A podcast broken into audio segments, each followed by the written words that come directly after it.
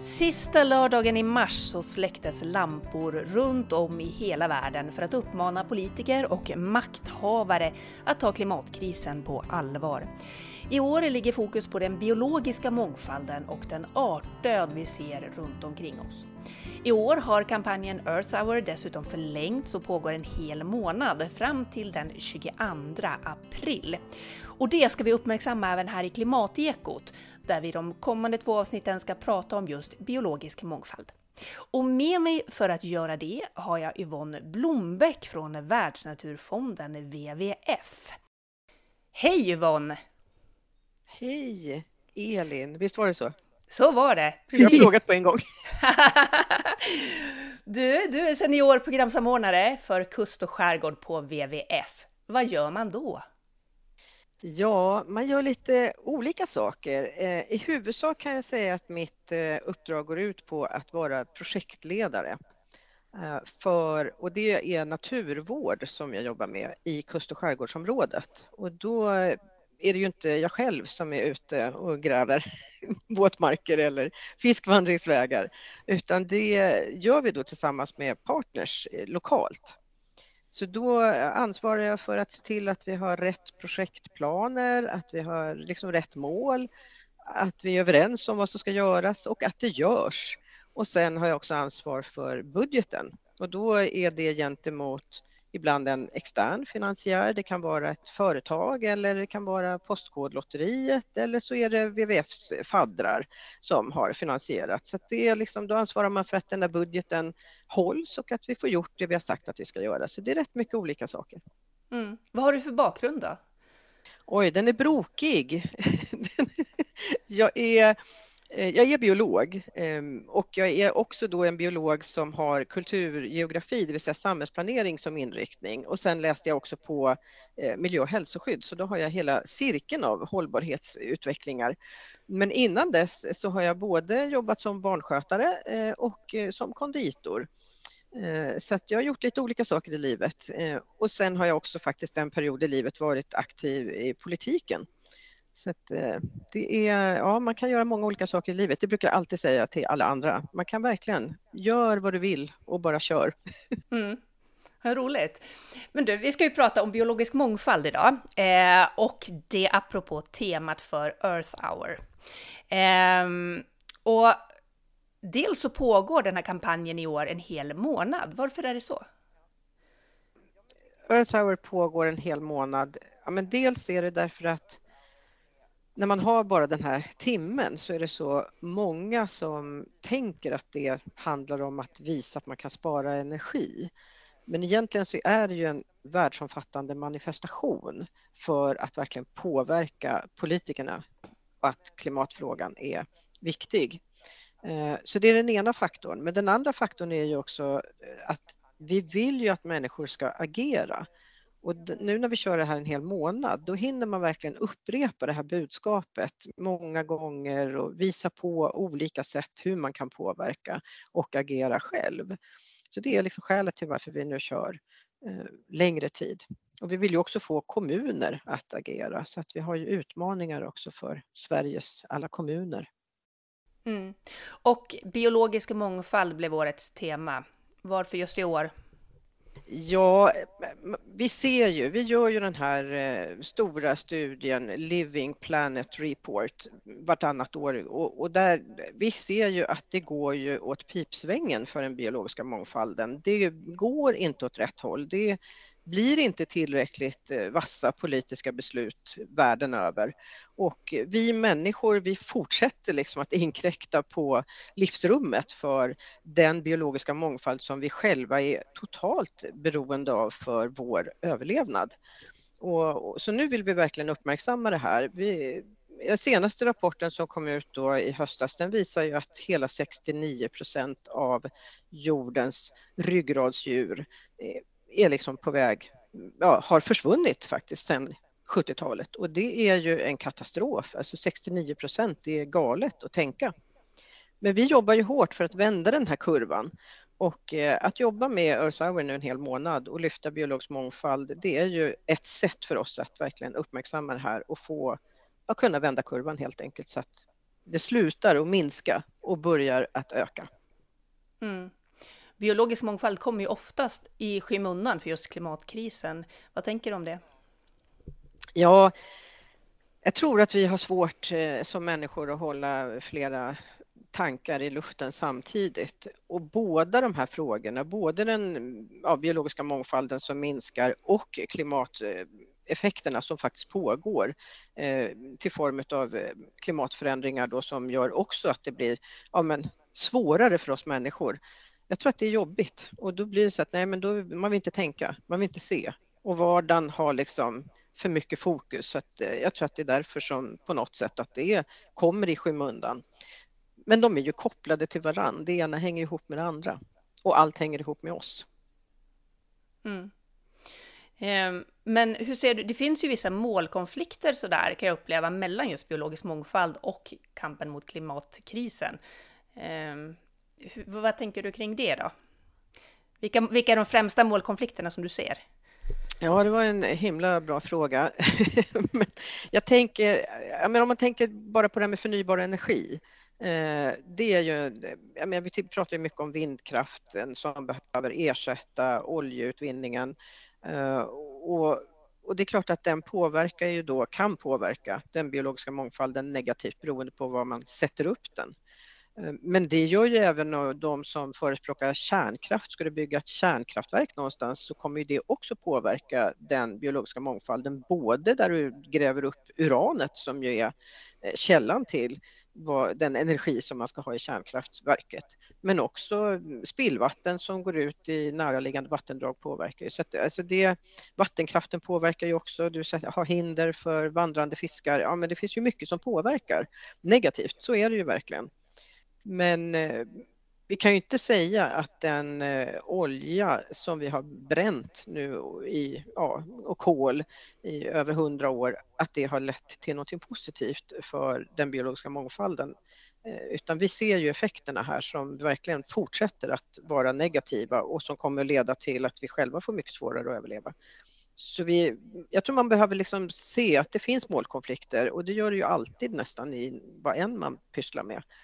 Så här försöker vi nog jobba för att minska de negativa effekterna och då måste man ju samverka med många andra. Mm. Vad tänker du om den svenska skogsdebatten då? Ja, det har du ytterligare en källa till energi då, flisen. Eh, och den svenska skogsdebatten den är ju väldigt polariserad. Så här behöver man nog eh, hitta vägar för att ha en tydligare kommunikation och det vet jag att mina kollegor som jobbar med skogen, att de jobbar med att försöka hitta helt enkelt eh, kommunikation. Men det är alltid svåra avvägningar eh, och det vi kan också se egentligen på samma sätt när som när vi pratar om oljeutvinningen att, att eh, det skogsbruk som vi har haft under, som har varit rådande under en ganska lång tid nu, kalhyggesbruket, det är ju också kritiserat ifrån många håll internationellt så jag tror här behöver nog Sverige tänka till. Mm. Ehm, på FN-mötet COP15 i Montreal i fjol så kom världen överens om att stoppa och vända förlusten av biologisk mångfald till 2030. Och för att göra det, då tänker man att man ska skydda 30 procent av allt land, vatten och hav. Hur ser du på det målet? Ja, men det är ju fantastiskt. Det är ju något som vi har drivit länge. Eh, så att det här är ju en stor framgång faktiskt för vårt internationella nätverk. Vi hade ju en stor delegation som var med på mötet och eh, kämpade på. Så att eh, det, det är fantastiskt roligt. Men vi måste ju gå från ord till handling, så är det ju helt klart. Och tittar vi på Sverige så ligger vi ju på hälften av det här, 14, ligger runt 14 procent eh, skyddat land och skyddat hav. Men det är ju uppsplittrat. Det är ju inte så att det finns liksom ja, stora, det är några stora sammanhängande områden i våra stora nationalparker i norr, men i övrigt så är det ju små skyddade områden. Så här jobbar vi ju för att, att det måste vara sammanhängande så att de här arterna som behöver förflytta sig för ja, att överleva då för sin fortlevnad och spridning. Så att eh, det här behöver man både, vi behöver skydda mer och vi behöver skapa sammanhängande nätverk mellan de här områdena. Mm. Det är bara sju år kvar till 2030. Går det att vända tror du? Det, man kan säga utifrån mitt perspektiv, det jag jobbar med som är att återskapa och restaurera natur i kust och skärgårdsområdet. Det vi ser när vi återskapar en våtmark eller en fiskvandringsväg så går det väldigt fort. Alltså naturen är fantastisk på att återhämta sig. Men de stora puckarna som när vi pratar om torskens eh, katastrofläge i Östersjön eller strömming och sill som också minskar, har minskat väldigt kraftigt nu. Det är ingen quick fix eller övergödningen utan här är det ju ett långsiktigt arbete som måste göras. Och då är ju den politiska arenan jätte, jätteviktig. Så här jobbar ju kollegorna med att verkligen påverka både svenska politiker och EU. Men det är bråttom och det tror jag man måste fortsätta att påpeka för beslutsfattare som sitter på makten. Mm. Ser du några politiska beslut som ligger i pipen som skulle kunna ja, ta det i rätt riktning? Egentligen inte, inte som det ser ut just nu. Ehm, på EU-nivå ser det ju bättre ut egentligen än i Sverige. I Sverige har vi lite bekymmer just nu skulle jag vilja säga när det gäller miljöpolitiken så att eh, våran miljöminister får ja, kämpa nog i uppförsbacke är väl uppfattningen.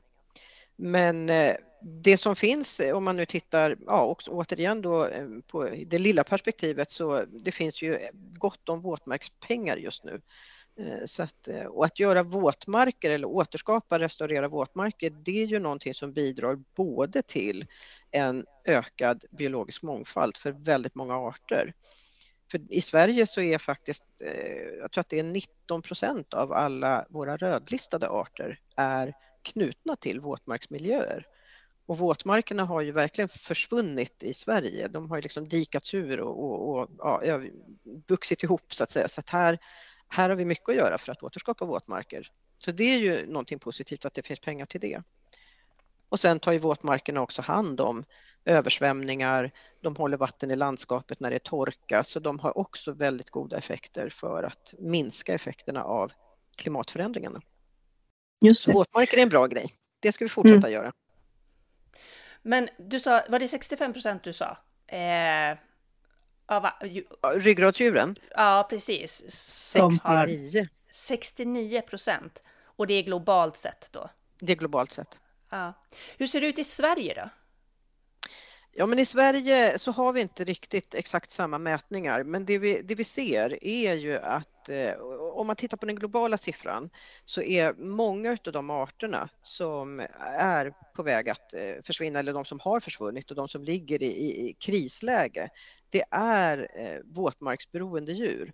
Så det är många groddjur och, och, och, så, och det är ju samma sak i Sverige att det är ju, jag vet att man brukar det som folk känner till är ju liksom den här fina vattensalamandern som ser ut som en liten eh, skräcködla när den är i parningssäsong med sin röda rygg och sådär. Så och de är ju starkt hotade och många grodor är starkt hotade i Sverige. Och sen har vi ju många fiskarter, det är också ryggradsdjur som, som är hotade. Ålen till exempel och som sagt, då har vi pratat om torsken och ja, men det finns många sådana arter som är hotade som inte man kanske tänker på i första hand. Och sen alla våra insekter som, som ju då inte tillhör ryggradsdjuren men som ju också har supertufft. Mm. Kan man se att det är många insekter i Sverige som håller på att dö ut? Ja, vi har ju, alltså om man tittar på alla bekämpningsmedel som många använder. Jag skulle nog säga att alla vi som har trädgårdar eller kolonilotter, att verkligen tänka till där och inte bara köra på med bespruta eller vi måste se naturen som våra vänner mer än våra eh, fiender. Så här kan ju var och en göra mycket. Eh, eller ja, handelsgödsel är också en sån där sak om man nu tittar på det globala perspektivet. Eh, låta bli och helt enkelt putta på handelsgödsel. Att vi verkligen börjar tänka på det här så lite som möjligt. Att, att ha ett naturligt, en naturlig trädgård. Det gynnar ju den biologiska mångfalden väldigt, väldigt mycket. Men sen är ju såklart de stora puckarna är ju skogsbruket eh, och där är ju många arter knutna till och väldigt många fågelarter som är hotade i Sverige är ju knutna till skogsbruk som behöver bli mer hållbart och då är ju kalhyggesbruket någonting som vi måste upphöra med. Och sen är det jordbruket som också är en stor faktor och där är det också då mycket bekämpningsmedel som ställer till det för våra insekter. Och att det är stora arealer. För det måste man komma ihåg att det är många djur som inte kan ta sig över. Alltså, om du då har en jättestor areal av en och samma sort av någonting, vete till exempel, så alla djur som inte kan leva ihop med vetet eller är beroende av vetet för sin överlevnad, de behöver ju förflytta sig från den ena kanten till den andra kanten. Och här är ju storskaligheten också då en, ett hinder för mycket biologisk mångfald. I förra avsnittet av Klimatekot så pratade vi om ekolog, ekologisk eh, livsmedelsproduktion eh, och att eh, konsumenterna köper mindre ekologiskt, vilket leder till att lantbruk nu ställer om från ekologiskt till konventionellt. Hur påverkar det här den biologiska mångfalden? Ja, det påverkar den biologiska mångfalden negativt eftersom bekämpningsmedel faktiskt då slår ut många arter som skulle behövas. Alltså i, om man tänker att det är många, det ju, kan ju vara svampar eller mikroorganismer eller insekter som ju då ställer till det för jordbruket. Men de arterna är ju den första liksom linjen i näringskedjan som andra arter äter och lever av. Och i jordbruket då så när de slås ut ja då slås ju många andra arter ut och det är otroligt många fågelarter som, som tidigare har levt i jordbrukslandskapet som är starkt utrotningshotade i Sverige. Så det är den ena faktorn. Sen vet ju inte jag om ni pratade om den andra faktorn. Eh, jag nämnde ju handelsgödsel som en, en eh, knepighet och mycket utav handelsgödsel kan också innehålla kadmium som ju är en tungmetall som en biprodukt kan man säga när man då tar fram den här fosforn som är beroende. Och då, eh, den kadmiumen är helt icke nedbrytbar. Så den tas upp av växterna och sen fortsätter det i kedjan så även vi äter kadmium. Och den eh, kan ställa till det i våra kroppar, både slå ut våra njurar och skapa benskörhet eh, i våra skelett. Så att det här är liksom, eh, vi är ju toppen av näringskedjan och vi glömmer att det vi, det vi stoppar in där i botten eh, som inte då kan försvinna, det får ju vi i oss och sen går det som en ond cirkel helt enkelt. Så att det är faktiskt så att eh, våra jordar, sen finns det ju kadmium eller man säger lite grann även i, i, i marken hos oss, men vi har verkligen fyllt på med kadmium i våra jordbruksjordar så att inga jordar är fria från kadmium. Inte ens de ekologiska jordbruken. Men de fyller ju i alla fall inte på med något nytt. Mm. Så här har vi mycket att fundera över i vår livsstil och det är som sagt, det kan vara jobbiga tankar, men börjar man liksom förstå det här så är det faktiskt väldigt lätt att låta bli och det är väldigt lätt att tänka, ja men självklart ska jag bidra till att köpa mer ekologiskt. Och även om inte alla har råd, jag har också levt fattig en gång i tiden, men jag kunde ändå välja något som jag liksom valde ekologiskt av allt det jag köpte. Vad är viktigast då, då att välja? Ja, men det är, det viktiga, de viktiga är ju liksom basprodukterna. Potatisen till exempel är jätteviktig. Eh, och jag skulle vilja säga utifrån just det här perspektivet med kadmium så är ju vete en sån produkt som Eh, också tar upp kadmium lätt så då, skulle, då är ju mjölet en sån eh, faktor, till exempel vetemjöl. Och sen tycker jag ju också då, ja, tar vi bananer, men det är nästan självklart idag. Det var inte det när jag började jobba med de här frågorna på 90-talet. Då, då fick man verkligen slåss för det. Men bananer är ju jätteviktigt också. Kaffe, te. Ehm, ja, det är mycket. Mjölken. Mm. Ja, det har slagits av nu eh, eh under den här ekonomiska krisen. Eh, för under några år nu, så i alla fall här i Umeå, så har man inte sett konventionella bananer. Det har bara varit ekologiskt. Och nu helt plötsligt så är de lika stora de där två hyllorna. Ouch! Ja, det var inte bra. De är tillbaka. Aj, aj, aj. Nej, då är det bara att sätta upp no, no, no. Alltså bananer är ju en katastrof, både för den biologiska mångfalden men också för vår hälsa.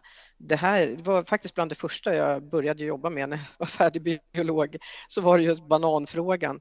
Eh, för de konventionella bananerna, där är ju gifterna inte roliga och många av de här plantagerna där de här människor som jobbar, de har ju arbetsvillkor som är eh, förskräckliga så att de kan sakna skydd.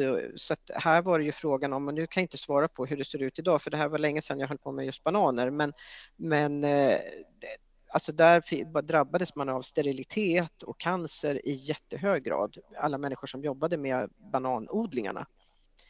Och det är klart att alla, om, när vi drabbades så hårt som är i toppen av det hela, förstår alla djur och eh, allt annat runt omkring, det var ju liksom dränkt av bekämpningsmedel som är jättegiftiga. Så nej, de ska inte, de ska bort. Helt punkt. Mm. Köp ekologiska bananer, punkt. Men och så länge de är ekologiska, då kan vi köpa dem? Då är det lugnt, eller?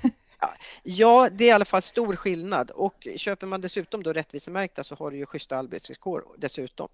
Så att, eh, det finns mycket man kan göra i det lilla som bidrar till en ökad biologisk mångfald och att vi människor mår bättre. Mm, just det. Vad är det som kommer att krävas då tror du för att vi ska lyckas med att vända det här? Ja, men det krävs politiska beslut, modiga politiska beslut skulle jag säga, eh, krävs. Och, eh, och sen krävs det också en ökad medvetenhet hos många. Idag är det ju våra ungdomar som, och det är ju egentligen logiskt, det är ju de som ska ta över eländet efter oss. Eh, men vi behöver, jag tror att det är, liksom, det är den här medvetenheten som behövs. För vi ser ju också, vi såg det ju under pandemin, när alla verkligen gick samman och körde åt samma håll, då, då händer det ju grejer. Så det är de ja, små stegen som liksom tillsammans blir en, en, en flod och tillsammans så då kommer det hända grejer. För, för det vi ser, och det ser vi verkligen, även om jag pratar om det, det lilla och det lokala, eh, där man gör en, en fiskvandringsväg, så det liksom går på några veckor så kan det vara hundratals fiskar som går upp, som inte kanske har kommit upp på flera hundra år. Så bara, du öppnar möjligheten så tjoff, så finns det där. Eh, så det kommer ju att ge resultat när vi liksom idogt bara kämpar på. Och då är näringslivet är ju också viktigt, men jag skulle nog säga att många ute i näringslivet idag, de ser ju hållbarhetsfaktorn som en överlevnadsfaktor. Så i nuläget är det nog den politiska arenan som är svårast att nå. Mm. Men jag tänkte just fråga det, eh, alltså vad man som, inom civilsamhället kan göra så, för att det är ju lättare någonstans att se vad jag, dels vad jag som eh, privatperson men också som företagare exempelvis kan göra för att minska mitt klimatavtryck. Eh, hur ska jag minska mina koldioxidutsläpp? Eh, än att se vad kan jag göra för att öka den biologiska mångfalden. Mm. Vad tänker du att man, hur ska man tänka? Vad ska man göra? Ja, men om man har man en trädgård, hur liten? Min trädgård är pytteliten, så då kan man ju verkligen tänka på att plantera växter som gynnar pollinerare till exempel. Eh, det är ju enkelt och det blir ju fint. Liksom. Det är rätt lättskött också så det klarar sig självt. Jag behöver inte göra så mycket när jag väl har satt det. Eh, och, och, och det andra är ju att verkligen tänka på när man är ute i affären och ska handla mat. Och då har ju WWF faktiskt en jättebra matguide Eh, som både finns digitalt på nätet men den finns också som en app i mobilen. Oj, nu hade jag inte sänkt av mitt ljud, jag vet inte om det gick igenom. Eh, så i den här appen Matguiden, där kan man få, där får jättekonkreta råd på, på både fisk och kött och grönsaker. Så vad än man äter så kan man slå upp det man har tänkt att köpa Eh, och kolla vad säger Matguiden om det här? Ska jag, är det okej okay att äta eller bör jag låta bli? Eller är det något jag kan äta ibland? Så den är ju en väldigt bra hjälp om man nu själv känner att jag har verkligen ingen aning. Liksom. Mm, just det. Men om jag då har en liten trädgård och sen så väljer jag att försöka odla ekologiskt och jag försöker att eh, plantera växter som lockar till sig pollinatörer och så eh, mina grannar de använder ogräsbekämpningsmedel och så vidare. Eh, hur påverkas det då, då? Är det lite onödigt det jag gör? Nej, det är inte onödigt det du gör, av flera skäl skulle jag vilja säga. Eh, dels därför att du blir inspirerande till dina grannar, för de kommer se, eh, det har jag själv upplevt när jag satt igång, eh, att oj vad mycket fjärilar du har i din trädgård. Var kommer alla de ifrån? jag har inga fjärilar, vad kan jag göra? Eh, för det är ju, folk gillar ju ändå när det kommer fjärilar eh, till trädgården och fjärilar och, och humlor och bin, de liksom lockas till samma kan man säga växtlighet eller samma typer av växter. Det ska vara mycket, mycket färg och mycket nektar och, och så. Eh, så att man inspirerar andra faktiskt till att vilja börja. Eh, och sen kan man ju vara där är man ju olika modig. Jag är ju en jobbig människa så att jag kan ju också säga till. Så här, ursäkta men det där känns inget bra. liksom. Så, eh, så det, sen kan man ju om man bor i, i bostadsrätt som många gör eller man bor i en villaförening, man skulle ju kunna ta dit någon inspiratör eh, på någon, något årsmöte till exempel. Det finns ju fantastiska människor som kan komma och berätta både om, om hur man kan jobba med rikare trädgård eller med eh, kopplat till mat, vad man ska tänka på. Så det, det kan man ju också göra som ett litet sånt där pepp-event. Mm. Men jag har tänkt på det där eh, när man använder medel som förstör mikroorganismer. Eh, sker det då bara väldigt lokalt där du har använt det eller sipprar ut till på, på sidan av så att säga? Det beror ju också på hur marken ser ut. Eh, kan ju vara lite olika beroende på var någonstans i landet man bor. Men eh, visst sipprar det. Eh, och sen beror det ju på såklart hur stor, hur stor mängd det är.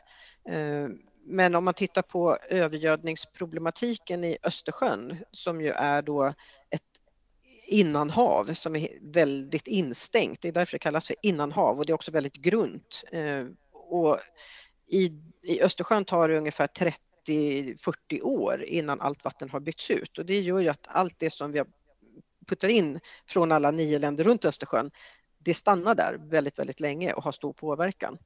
Och vi kan ju se på Östersjön att övergödningen har liksom bidragit till att både fiskarna mår dåligt och eh, det växer igen och algblomningen gör så att vi inte själva kan varken bada eller fiska.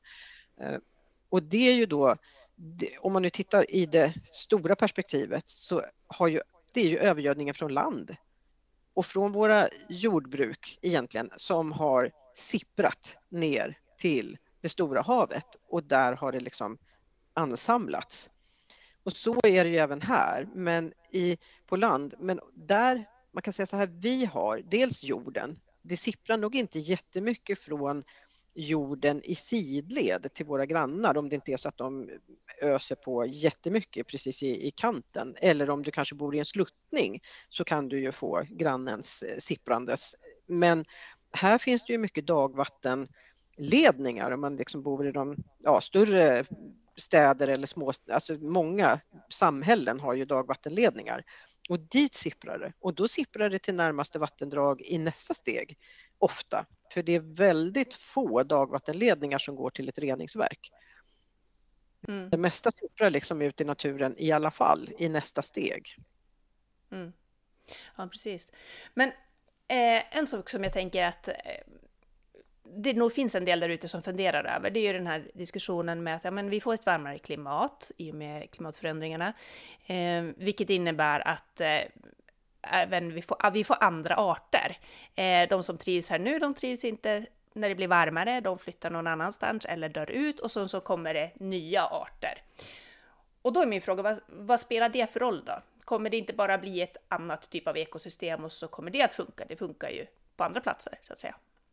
Mm. Ja, det är både och skulle jag säga, för klimatförändringen och speciellt för oss som bor ganska nära polen går fortare än den gör på andra ställen. Men det är också så att arterna inte alltid hinner med att ställa om. Så att, eh, om man tänker på evolutionen, för det är ju det man ändå liksom har med sig då, den är ju hundratals, tusentals år. De som har en snabb omställningscykel, det är ju mikroorganismerna, bakterierna. de hinner ställa om, för, eller flugor är också bra på att ställa om snabbt. De har också så snabba cykler. Kaniner ställer om snabbt, de var snabba. Om man tänker på det, medan du tänker på arter som är större, som har liksom kanske föder en unge per år eller två ungar per år och där kanske inte ens alla överlever. Den omställningen, den evolutionen är ju väldigt långsam eller på växtligheten där du har arter som är extremt anpassade där insekter har en, en snabel som är precis så lång så att den täcker, kommer ner i just den här blomman för att nå nektar. Så det har ju tagit många år för att hitta den kopplingen. Och när klimatförändringarna påverkar så vi ser att den här växten försvinner ja då har du en insekt som inte längre kan hitta föda som dör. Eller om insekten dör först, ja då har du en växt som inte kan eh, hitta någon pollinering och då kommer ju den att dö ut. Det här kommer ju inte bli en smidig övergång utan det kan bli att det verkligen blir stora hack och hur den påverkan ser ut för oss människor som då är beroende av att det finns en artrikedom för att vi ska överleva. Det är ju ingen som kan sia om. För det vet vi inte. Mm. Um, tiden springer iväg här, men avslutningsvis, eh, när du tänker på den biologiska mångfalden och eh, vad den gör för vår planet, vad den gör för våra människor, eh, vad tänker och känner du då? Ja, men alltså jag, är ju, jag är ju typen som alltid har älskat att eh, sitta i mossan och titta på blommor och djur. Så att för mig är det så, om jag inte har det omkring mig, ja, men då mår jag ju fysiskt dåligt verkligen. Och, och det tror jag också man behöver ha med sig, att det handlar ju om vårt välmående. Eh, men det handlar också om vår överlevnad.